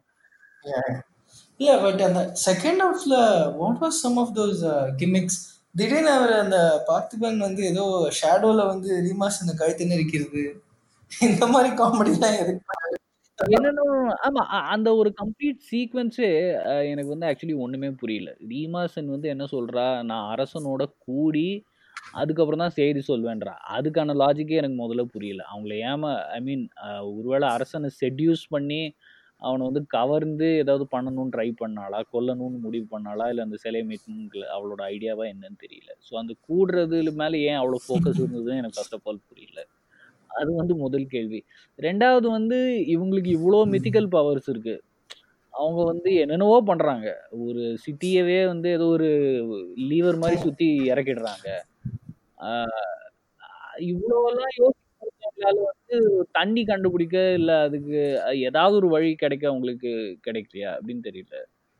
ஸோ அந்த கொஸ்டின் வந்து நிறைய பேர் கேட்டாங்க. இவ்வளோ அட்வான்ஸ்டா இருக்கவங்களால இந்த ஒரு ப்ராப்ளமை சால்வ் பண்ண முடியலையா அப்படின்னு. இல்ல அப்புறம் அந்த ஏதோ இந்த இந்த கார்த்தி ஏதோ கிரவுண்ட்ல போய் அந்த பிரதாப் எல்லாம் காமிச்சு ஏதோ அந்த அதெல்லாம் வந்து ஏன் பண்ண? அதான் கிளாடியேட்டர் மாதிரி ட்ரை பண்ணாங்க. இன்னொன்னு ஒண்ணு முக்கியமா எனக்கு புரியாத விஷயம் வந்து ஏன் செல்வராகவன் வந்து அவங்க எல்லாரும் கருப்பு பெயிண்ட் கருப்பு paint I think clear reference to Tamil Eelam I think ஐ மீன் தமிழ் எழுத்துல எல்லாரும் அவ்வளோ கருப்பாக இருப்பாங்க. சரி அவ்வளோ கருப்பு இவ்வளோ கருப்பாக இருப்பேன் நான் நான் ஆக்சுவலி பார்த்துருக்கேன். அட்லீஸ்ட் சில தமிழ் இந்த யூடியூப்லலாம் சில ஸ்ரீலங்கன் வீடியோஸ் அட்லீஸ்ட் யூகேல இருக்கவங்க அவங்களாம் நிறைய வீடியோஸ் போட்டு பண்ணுவாங்க. கருப்பாக தான் இருக்காங்க பட் கருப்பு பெயிண்ட் அடிச்ச அளவுக்குலாம் நான் யாரையும் பார்க்கல. I think that was just an exaggeration by the way அது அது கதை வந்து வியட்நாம்ல நடக்கிறது வந்து is it reference to this war torn country I don't know could be வியட்நாமில் நடக்கிறது வார்டானாக இருக்கலாம். பட் சோழர்களோட இன்ஃப்ளூயன்ஸ் வந்து வியட்நாம் வரைக்கும் இருந்தது. So I think that is just think நம்ம வந்து we should talk about Cholas in a separate podcast நான் வந்து ஏதோ ஒரு article படிச்சிருந்தேன். How they had mastered this coin based economy சிஸ்டம்லாம் they were way ahead of their times so நீங்க சொல்ற மாதிரி Chola kingdom is spread far and beyond என்ன like our imagination கண்டிப்பா அவங்க வந்து அவ்வளோ தூரம் போயிருந்தாங்க. ஐ திங்க் வியட்நாம் வரைக்கும் போனது வந்து அதோட ஒரு ரெஃபரன்ஸ் தான். அவங்க வந்து அது வரைக்கும் போயிருக்காங்கங்கிறது. இன்னொன்று சின்ஸ் சோழர்களை மென்ஷன் பண்ணதுனால இந்த படத்தில் காமிக்கிற நிறைய ப்ராக்டிசஸ் வந்து சோழர்கள் பண் பண்ணக்கூடிய விஷயங்களாவே தெரியல. எந்த மாதிரி? இந்த ஒரு கிளாடியேட்டர் மாதிரி வச்சு அதாவது மனுஷங்களை சித்திரவதை பண்ணி கொலை பண்ணுறது அஃப்கோர்ஸ் எந்த ராஜாவும் வந்து ரொம்ப பெனவிலண்ட்லாம் கிடையாது. பட் இந்த மாதிரி சோழர்கள் வந்து பண்ணியிருப்பாங்களாங்கிறது வந்து ரொம்ப ஒரு டவுட்ஃபுல்லான விஷயம் தான் அதை வந்து நிறைய பேர் கிரிட்டிசைஸ் பண்ணியிருந்தாங்க ஏன்னா சோழர்கள் வந்து அந்த காலத்திலேயே அவங்க ஆண்ட கிங்டம்ஸை வந்து நீங்களே ஆளுங்க வி வில் ஓவர்சி அப்படின்னு ஒரு டெமோக்ரஸி ப்ராக்டிஸ் பண்ண ஆளுங்க. இந்த அளவுக்கு வந்து அவங்க வந்து ஒரு என்ன சொல்றது? காட்டு மிராண்டித்தனமா இருந்திருப்பாங்களாங்கிறது கொஞ்சம் கஷ்டமா இருக்கு. பட் அதுக்கு ஒரு ஆல்டர்னேட்டும் நான் வந்து ஒரு அந்த படம் பார்த்து முடிச்சோன்னு யோசிச்சேன். ஒருவேளை அவங்க வந்து தள்ளப்பட்டிருந்த சூழ்நிலை தண்ணி இல்ல சாப்பாடு இல்ல எலிக்கறி சாப்பிடுற நிலைமையில இருக்கிறதுனால ஒருவேளை அதனால தான் அவங்க இப்படி ஆயிட்டாங்களா? அப்படி கூட யோசிச்சு பார்க்கலாம். மக்களை டிஸ்ட்ராக்ட் பண்றதுக்காக இப்படி no, another uh, Game of Thrones reference, right? I mean, uh, Khaleesi wants to abandon this uh, slave trade and uh, give them what they want, Khaleesi. They want to see people fight and murder each other. அது entertainment அது. நீங்க சொல்ற மாதிரி வேற வழி இல்லாம இந்த மாதிரி entertainment தேவைப்பட்டிருக்கலாம் ஆ அ- அதுதான் வந்து எனக்கு யோசனை வந்து but but coming back to Chola since we are talking about Cholas படத்தில் வந்து பார்த்திபனோட கேரக்டர் ஆக்டிங் அதை பற்றி நான் ஏற்கனவே சொன்னேன் uh, அது வந்து it's a genius of a cast and uh, very very uh, உங்களுக்கு ஃபர்ஸ்ட் ஹாஃப்ல ஒரு கூஸ் பம்ப் மூமெண்ட் இருந்ததுன்னா எனக்கு Karthi and Parthiban break into coordinated dance I mean that was a goose bump moment for me yeah that was fantastic எனக்கு Parthiban character பற்றி ரொம்ப பிடிச்ச விஷயமே என்னன்னா செல்வராகவன் வந்து ஒரு ராஜா வந்து கருப்பாக காமிச்சிருக்கு. ஐ திங்க் அது வந்து ஒரு பெரிய ஸ்டெப் இன்னொன்று வந்து அந்த ராஜா வந்து பெர்ஃபெக்டாக காமிக்கல. அந்த ராஜா வந்து தன்னோட மக்களுக்கு வந்து நல்லது பண்ணணும்னு நினைக்கிறாரு. பட் அதே நேரத்தில் சூழ்நிலைக்கு ஏற்ற மாதிரி தான் அவர் நடந்துக்க வேண்டியதாக இருக்குது சாப்பாடு இல்லை தண்ணி இல்லை. அந்த சாப்பாடை வந்து பறிச்சுட்டு போகணும்னு நினைக்கிற ஒரு பத்து பேரை கொல்ல வேண்டியதாக இருக்குது அதெல்லாம் நடந்ததுக்கு அப்புறம் உள்ள போய் அவர் வந்து கஷ்டப்படுறாரு. நான் இப்படி பண்ண வேண்டியதா இருக்கே அதே நேரத்துல. அதே நேரத்துல ஒரு பெண்ணுக்காக கீழ் விழுந்து ஏமாந்தும் போயிடுறாரு. ஐ திங்க் கடைசி சீன்ல தோத்து போனதை விட இப்படி ஏமாந்துட்டோங்கிற மாதிரி கில்ட் தான் ஜாஸ்தி இருக்குன்னு நினைக்கிறேன். கண்டிப்பா ஏமாந்துட்டு நம்மளால இவங்களும் போறாங்களே அப்படிங்கிற ஒரு கஷ்டம். I think it was fantastic இப்போ ஒரு பாகுபலி மாதிரி ரொம்ப ஒரு ஒயிட் வாஷ் ஃபிலிமா இல்லாம but unfortunately that is what sells இப்போ ஜஸ்ட் ஒரு பேரலல் எடுத்துட்டோம்னா அமரேந்திர பாகுபலிங்கிற நான் அப்படிங்கிற பண்ணி அப்படி ஒரு பெரிய இது create பண்றது See, Bahubali, the craft and the filmmaking is, I'll say, at least some 10,000 times better than Ayathil Orwan. Plot plot wise, Ayathil Orwan is definitely better. But நிறைய பேர் வந்து it has become popular இல்லையா? I mean uh, it is all uh, this recency bias. நமக்கு வந்து ஓ Baahubali successful ஆயிடுச்சுன்னா ஏ நம்ம வந்து ஆயிரத்தில் ஒருவன் பாகுபலியோட பெட்டர் படம்னு யாருமே சொல்லவே இல்ல நான் வந்து அந்த ஆங்கிள் இருந்து வரவே இல்லை. சி ஐ என்ஜாய்ட் வாட்சிங் பாகுபலி. பாகுபலி வந்து ஒரு மோசமான படம்னு சொல்லலை. பட் நான் ஒரு கேரக்டரைசேஷன் பாயிண்ட் ஆஃப் வியூல இருந்து சொல்றேன். Baahubali at the end of the day வந்து for all its craft imagination அது எல்லாத்தையும் வந்து Execution, Ex- yeah. கண்டிப்பா எக்ஸிகியூஷன் ஐ திங்க் பாகுபலி வந்து ஜெயிச்ச ஒரு பெரிய காரணமே வந்து அவங்க அதை எக்ஸிக்யூட் பண்ண தான். அது எல்லாமே தாண்டி பார்த்தா Baahubali is actually very whitewashed film நிறைய கிட்டத்தட்ட மேபி இதை கேட்குறவங்க யாராவது கோவப்படப்படலாம் பட் கிட்டத்தட்ட ஸ்டாக் கேரக்டர்ஸ்னு தான் சொல்லலாம். நிறைய வந்து மைத்தாலஜிலேருந்து எடுத்த ஒரு கதை தான் பாகுபலி.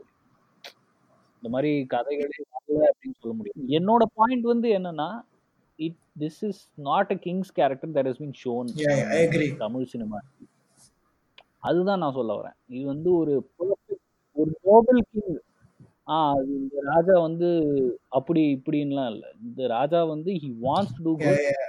But அதே நேரத்தில் he is full of faults எனக்கு தெரிஞ்சு எல்லா ராஜாக்களும் அப்படிதான் இருந்திருக்காங்க. There is no golden period அவங்க வந்து ஒரு பத்து நல்ல விஷயம் பண்ணியிருக்காங்கன்னா கண்டிப்பாக ஒரு இருபது மோசமான விஷயங்கள் பண்ணியிருப்பாங்க Yeah, I think it's a great point, right? So he was uh, more human Raja than anyone could have imagined. Yeah. Exactly exactly that is my point நான் மறுபடியும் பாகுபலியோட கம்பேர் பண்ணுறதுக்கான காரணம் வந்து only from the writing as a characterization point of view obviously in terms of execution and grandeur Baahubali வந்து வேறு லெவலில் இருக்குது நான் அது வந்து சொல்லவே மாட்டேன் but in terms of characterization and கண்டிப்பாக நடிப்பு நடிப்பு சொல்லலாம் maybe because again it's in very different levels வேறு ஸ்கேலில் வந்து அதை எடுத்திருக்காங்க இது வேறு ஸ்கேலில் எடுத்திருக்காங்க. I think this film is very different and very unique Baahubali வந்து ஒரு maybe it's you can almost call it a stock character. So, uh, Reemasen பால வேற யார் போடுறது நல்லா நினைக்கிறீங்க? ஜீமா சென் ஆக்சுவலி அந்த காலத்தில் வந்து இப்போ அந்த டைமில் யார் ஃபேமஸ் ஹீரோயின்ஸாக இருந்தாங்க? ஐ திங்க் அந்த டைமில் ரீமாஸ் அண்ட் காஸ்ட் பண்ணும்போது யாருக்குமே அது ஒரு பெரிய பிரச்சனையாகவும் தெரியல. இன்ஃபேக்ட் நான் சொன்ன மாதிரி நான் கோராவில் ஒரு ஆன்சர் எழுதும்போது நிறைய பேர் என்கிட்ட சண்டைக்கு வந்தாங்க. நான் வந்து சொல்லியிருந்தேன் அந்த மாதிரி ரீமாசன் தான் இந்த படம் வந்து தோத்ததுக்கே காரணம் அப்படி. அதுக்கு வந்து என்ன பேச்சு பேசுற? நீ ரீமாசன் எவ்வளோ சூப்பராக நடிச்சிருந்தாங்க தெரியுமா அந்த படத்துல அப்படின்னு ஏடா பேசுறீங்க? நான் முன்னாடி சொன்ன மாதிரி இது ரீமாசன் ப்ராப்ளமா இல்லை அந்த கேரக்டர் ஆர்க் ப்ராப்ளமா ஐ மீன் எவ்வளவு how many I mean I cannot think of any other heroine who could have handled this character arc இல்ல இல்ல இல்ல கேரக்டர் வந்து பெரிய பிரச்சனையே எனக்கு தெரியல. எனக்கு தெரிஞ்சு ரீமாசன் தான் பிரச்சனை. I don't think she was made for this character she she does well in places சில இடங்கள்ல ஃபார் எக்ஸாம்பிள் அந்த நீ சொல்ற மாதிரி அந்த ஒரு கோவத்துல அந்த துப்புறது. இன்ஃபேக்ட் அந்த கிளைமேக்ஸ்ல வந்து அவ வந்து அந்த அவங்களோட டென்ட்ல அந்த ஒரு பாண்டியர் சிலைகளுக்கு பூஜை பண்ணிட்டு அவ வந்து வெளியில வரா அந்த டென்ட்ல இருந்து. அண்ட் அவளுக்கு அந்த இப்போ விமென்லாம் ரேப் ரேப்ல வந்து கத்துற சத்தம் கேட்குது அவ அதை கேட்டது கேட்டுட்டு அதுக்கப்புறம் அந்த டென்ட்க்கு அது மூடிடுறா. ஐ மீன் ஓகே இப்படி நடந்தாலும் at the cost of it நம்மளுக்கு வந்து நம்ம நினச்சது நடந்துருச்சுங்கிற மாதிரி போயிடுறா அவள் ஸோ அந்த மாதிரி சில சீன்ஸ்லாம் she still pulls it off but I I don't think she was very convincing I think என்னோட நம்பிக்கை இன்னும் என்னன்னா அந்த செகண்ட் ஹாஃப்ல ரீமா சென் கேரக்டர் ஆர்க்ல வந்து வேற யாராவது நடிச்சிருந்தாங்க they could have done better job and the movie would have been very வேற யார் நடிச்சிருக்க முடியும்? I'm thinking I'm really not getting any idea அந்த டைம்ல யார் இருந்தா ஆக்சுவலி இப்போ யோசிச்சு பார்த்தா?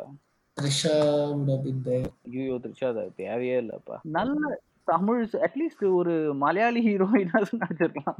இந்த கா இந்த டைம்ல இருந்து பார்த்தா எனக்கு தெரிஞ்சு மேபி சம்படி லைக் தன்ஷிகா நடிச்சிருக்கலாம். ஆஹ் ஹன்ஷிகா தன்ஷிகா ஹன்சிகா இல்லடா ஐயோ Oh, லிப்சிங் இல்ல இல்ல ஹன்சிகா கேக்கடா லிப்சிங் வரப்போகுது கபாலியில வந்து ரஜினியோட பொண்ணா நடிச்ச. ஆக்டர் பத்தி I think she would been okay I think she also played a prince I. Think அவ பேரு Sai Dhanshika I just check அவ வந்து. யா ஆக்சுவலி பிரியா பிரியாமணி கூட நடிச்சிருக்கலாம் good choice. Not bad. In fact danshika வந்து played uh, some sort of a princess in a film called aravan நினைக்கிறேன் So do you think Selvaraghavan had too many ideas in his head and he tried to cram everything? I don't think so இதுவும் வந்து ஒரு ரொம்ப popular கிரிட்டிசிசமா வந்தது அந்த டைம்ல செல்வராகவன் வந்து he try too many things ஒரே படத்துல I I don't think so I mean in fact என்ன பெருசா ட்ரை பண்ணிட்டாருன்னு சொல்ல முடியும். இந்த ஃபர்ஸ்ட் ஹாஃப்ல எல்லாமே கமர்ஷியல் எலிமெண்ட்ஸ் பெருசா ஒன்றும் ட்ரை ரொம்ப ஒன்றும் திணிச்ச மாதிரி தெரியல. அட்லீஸ்ட் எனக்கு தெரியல. செகண்ட் ஹாஃப்ல major plot points or plot devices அப்படின்னு மேஜர் பிளாட் அப்படின்னு எடுத்துக்கிட்டோம்னா சோழர்களோட வாழ்க்கை parallel to or showing an allegory to the LTTE and Sri Lankan Tamil situation அவ்வளோதான் அது வந்து டூ மெனி திங்ஸ் பட் படம் முடியும் போது அந்த மாதிரி ஒரு ஃபீலிங் வருது ஐ திங்க் பட் அது ஏன் அப்படின்னு எனக்கு சொல்ல சரியா ஆர்டிகுலேட் பண்ண வரல. பட் படம் முடியும் போது கண்டிப்பா அந்த ஃபீலிங் வந்து வருது. I, I still think uh, it should have been released as a two-part series. What what you think was could been an alternative story line in Aayirathil Oru one second half அதாவது அவங்க வந்து இன்டர்வெல்ல ஓடுறாங்க. அந்த ஒரு சத்தத்தினால போயிட்டு. இல்ல அந்த Baahubali one Cliff hanger மாதிரி இருந்திருக்கும். அந்த அஹ், அவங்க உள்ள போயிட்டு I mean just imagine this right I mean first off ஃபுல்லா நீங்க சொன்ன மாதிரி இந்த இந்தியானா ஜோன்ஸ் அட்வென்ச்சர் மாதிரி ஆயிட்டு they they kind of you know like get past all the hurdles but what awaits them is something totally unexpected அங்க அப்படியே விட்டு if you had left it for imagination think that would have been great. இது actually doesn't sound like bad idea இப்போ திடீர்னு யோசிச்சு பார்த்தா okay அது நல்ல ஐடியாவாக தான் இருக்கு. But that is hindsight triple ஏலாம் ரெண்டு பாட்டு இருந்தபோது ஆயிரத்துல ரெண்டு பாட்டு எடுத்துருக்கலாம். ட்ரிபிள் ஏல ரெண்டு பாட்டு இருக்குன்னே எனக்கு சொல்லி தான் தெரியுது. ஓ அது அது ஐ திங்க் அது ஒரு பாட்காஸ்ட் பார்த்தாது சார். யாரோ எழுதியிருந்தாரு only movie where hero had three opening songs வந்து ஆயிரத்தில் ஒரு மாதிரி ஒரு படத்தை பத்தி பேசும்போது ட்ரிபிள் ஏ பத்தி எல்லாம் பேச ஸோ ஆயிரத்தில் ஒருவனுக்கு வந்து ஒரு சீக்வல் வாரண்டடா என்ன நினைக்கிறீங்க ஹரிஹர் ம். எஸ் ஒய் நாட் அட்லீஸ்ட் இன்னொரு பாட்காஸ்ட்காவது உதவும். இல்லை பட் ஒரு சீக்வல் ஆயிரத்தில் ஒருவன் பண்ணாங்கன்னா அது வந்து என்னவா இருக்கும்? ஐ மீன் எப்படி? எனிவே சோழன் வந்து காப்பாத்தியாச்சு. I'll be I'll be very interested in the backstory. The Cholas அவங்க எப்படி வந்து they they got you know like they went there அவங்களோட பிளைட் என்ன இருந்தது? எனக்கு I don't want the story to pick up from the current point எனக்கு ப்ரீக்குவலாக இருந்தால் அது ரொம்ப நல்லா இருக்கும் prequel in terms of the story time line என்னை பொறுத்த வரைக்கும் ஆயிரத்தில் ஒருவன் வந்து I think it is done ஏன்னா படத்தில் வந்து அவங்க அந்த ஒரு தூதுவனோட ஒரு கோலை வந்து கார்த்தி வந்து ஆக்சுவலி அச்சீவ் பண்ணிடுறாரு.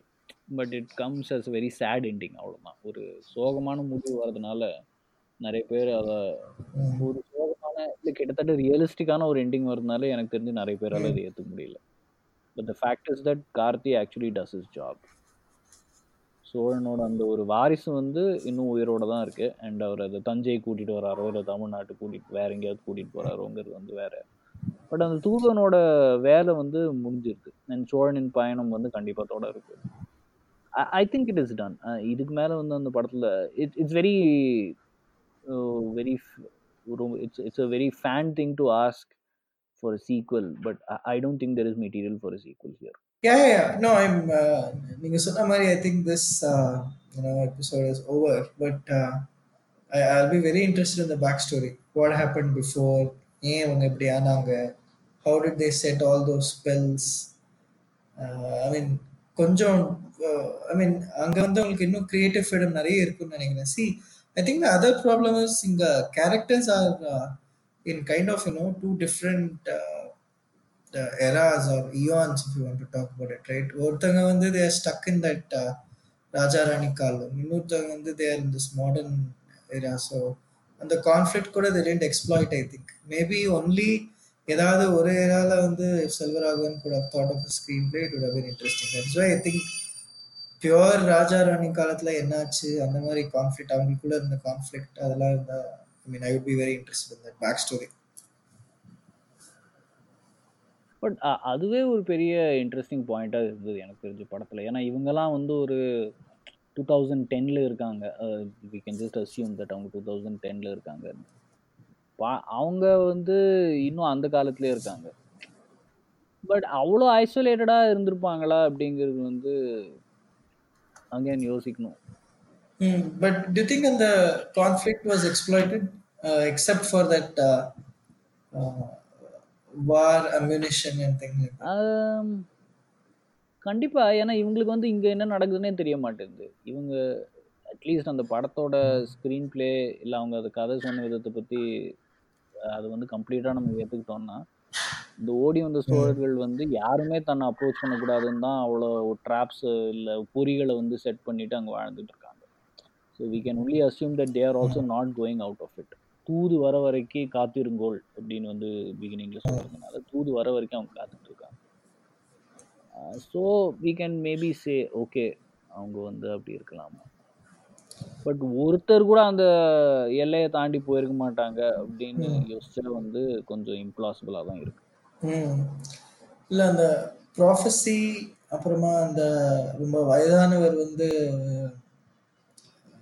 திருப்பி கார்த்தியை வந்து ஐடென்டிஃபை பண்றது மழை வர்றது மண்டையில அடிபடுறது. எப்படி அதெல்லாம் மிஸ் பண்ணாங்கன்னு தெரியல. அது வெறும் பார்த்திபன் பண்ண மிஸ்டேக்கா did get seduce and loses mind that the justification I அதுவும் எனக்கு வந்து புரியவே இல்லை. அதாவது ஏன் கார்த்தி வந்து அவங்க தூதுவன் இல்லைன்னு வந்து நம்பிடுறாங்கங்கிறதுக்கு வந்து ஒரு that could be the only explanation அதாவது பார்த்திபர் வந்து ரீமாசனோட அழகுல வந்து மயங்கிடுறாரு. ஏன்னா அவனோட முதுகுல வந்து புலி இருக்கு. அவனை கொல்லணும்னு முடிவு பண்ற போது கூட அந்த ஒரு கயிறை வெட்ட வரவன் மேல மின்னல் அடிச்சு அவனும் செத்து போயிடுறான். So with all the facts against them they still make a bad decision so ஒருவேளை அதுதான் I think that is whole point by the way that's he makes a mistake but yeah that's how it is actually யோசிச்சு பார்த்தா ஏன் அந்த மாதிரி பண்றாங்கிறதுக்கு வந்து ஒரு ரீசனே கொடுக்கறது இல்ல. Other than the fact that he sleeps with the படம் செகண்ட் ஹாஃப்ல ஒருவேளை ரொம்ப சீரியஸா இருந்தது வந்து I think it is a very big reason for failure particularly because நான் வந்து என்ன ஒன்று ரியலைஸ் பண்ணியிருக்கேன்னா இந்த படங்களுக்கு வந்து தமிழ்நாட்டில் வந்து முக்கியமாக வந்து எல்லாருக்குமே வந்து ஃபேமிலியோட போகிற ஒரு ட்ரெண்ட் இருக்குது ஸோ இந்த மாதிரி ஒரு செகண்ட் ஹாஃப் வந்து ஃப்ரெண்ட்ஸோட வந்தவங்களே கொஞ்சம் ஒரு மாதிரி ஷாக் ஆயிட்டாங்க. அதுவும் குடும்பத்தோட வரவங்களாம் வந்து கண்டிப்பாக இவ்வளோ வைலன்ஸ் இல்லை ஷோ ஆஃப் நியூடிட்டி இல்லை வந்து ஒரு ப்ரொஃபானிட்டி ஐ திங்க் அதெல்லாம் வந்து ரொம்ப I think it was too much for them first ஹாஃப்ல வந்து for some reason adventure ஃபிலிம்ங்கிறதுனால it is somehow okay But thought Selvaraghavan is like me. I mean, he's set his expectations correct. so I don't know. Family வந்து what they were thinking when they go to a Silveragan. இல்ல இது வந்து நான் வந்து இப்போ in fact super deluxe படம் வரைக்கும் இது ஒரு பிரச்சனையா தான் இருக்கு சூப்பர் டீலக்ஸ் படத்துக்கும் நிறைய பேர் வந்து குழந்தைங்கள தான் கூட்டிட்டு வராங்க ஸோ அந்த காலத்துக்கு. கான் டூ மச் அபவுட் இல்ல இது நிறைய படங்களுக்கு அந்த பிரச்சனை இருக்கு சூப்பர் டீலக்ஸ் மட்டும் இல்ல that is general problem but so but ah, ah, என்ன சொல்றது? ஒரு மாதிரி ஒரு young ஆடியன்ஸே they were little thrown when அந்த ரீமாசன் பர்டிகுலர்லி அந்த ரீமாசன் வந்து அந்த யூரினேட் பண்ற சீன் வந்து நிறைய பேர் வந்து ஒரு மாதிரி இதுவாயிட்டாங்க. என்ன இது? என்ன நடக்குது? பட் ஐ ஆல்வேஸ் எனக்கு அந்த கன்ஃபியூஷன் இருந்தது இல்லையா? I mean so the writer obviously you know would like to pack in as much details as he wants but director வந்து shouldn't he realize whether a scene will add value to the movie or not Uh, எனக்கு என்னமோ தமிழ் சினிமால வந்து are only collection of pointless scenes I think I don't know if you ask me இல்ல that is a very interesting question from Selvaraghavan's angle நான் யோசிச்சு பார்த்தேன்னா it is it is about pushing the envelope or raising the bar ஏன்னா அதுக்கப்புறமும் வந்து இப்போ ஓரளவுக்கு சீரியஸான சீன்ஸ்லாம் வருது. For example just as I mention super deluxe நிறைய போல்ட் சீன்ஸ் இருந்தது. And that film still did not shock a lot of people maybe இப்போ எக்ஸ்போஷர் ஜாஸ்தியாக இருக்கலாம். இல்லை it's it's still definitely shock some people but ஒரு wide range of audience எடுத்துக்கா people are still okay with it maybe it was just little serious for its time அந்த காலத்தில் வந்து okay oh people are not that oh oh my god இதெல்லாம் கூட வந்து ஸ்க்ரீனில் இப்போ வந்து எல்லாரும் வந்து கேம் ஆஃப் த்ரோன்ஸ் பார்க்குறாங்க. அந்த ஐ மீன் நிறைய இப்போ வந்து இந்த வெப் சீரிஸ் அதுலாம் nudity is a very common thing in fact even Indian web சீரிஸே எடுத்துக்கிட்டோம்னா இந்த சீக்ரெட் கேம்ஸாக இருக்கட்டும். இல்லை எல்லா ஸ்ட்ரீமிங் பிளாட்ஃபார்ம்லேயும் நியூடிட்டி ப்ரொஃபானிட்டிலாம் ரொம்ப காமன் ஆகிடுச்சு so maybe people are just little desensitised to all of this அந்த காலத்தில் ஃபில்ம்ஸ் தான் ஒரு இன்னும் it was two thousand Daniil I think films are still the major source of entertainment so அந்த அளவுக்கு ஒரு டீசென்சிட்டைசேஷன் நடக்கலைங்கிறது வந்து ஒரு possible theory at least or that is my idea yeah maybe அந்த மாதிரிலாம் செல்வராகவன் பண்ணதுனால தான் இப்போ நமக்கு இதெல்லாம் பெருசாக தெரியலையோ வரும். இருக்கலாம் அப்படி கூட இருக்கலாம். That is also another theory okay இதெல்லாம் வந்து பார்த்தாச்சு. But I I remember whatever நான் முன்னாடி நினச்சது. திடீர்னு சீமாசன் எதுக்கு தெலுங்குல செட்யூஸ் பண்றாங்க? அவரை ஏதாவது புரிஞ்சுதா? இந்த மாதிரி நிறைய ஆக்சுவலி டீட்டெயில்ஸ் இருந்தது. I think that is possible அதுக்கு ஒரு காரணம் என்னன்னா சோழர்களோட என்ன சொல்றது? சோழர்களோட இன்ஃப்ளூயன்ஸ் ஆர் இல்லை அவங்களோட கிங்டம் எம்பையர் கரெக்ட் அது தமிழ் வார்த்தை என்னன்னு தேடிட்டு இருந்தேன். சாம்ராஜ்யமா? சாம்ராஜ்யம்? கரெக்ட் சோழர்களோட சாம்ராஜ்யம் வந்து present day Andhra Pradesh Telugu speaking regions எல்லாம் வந்து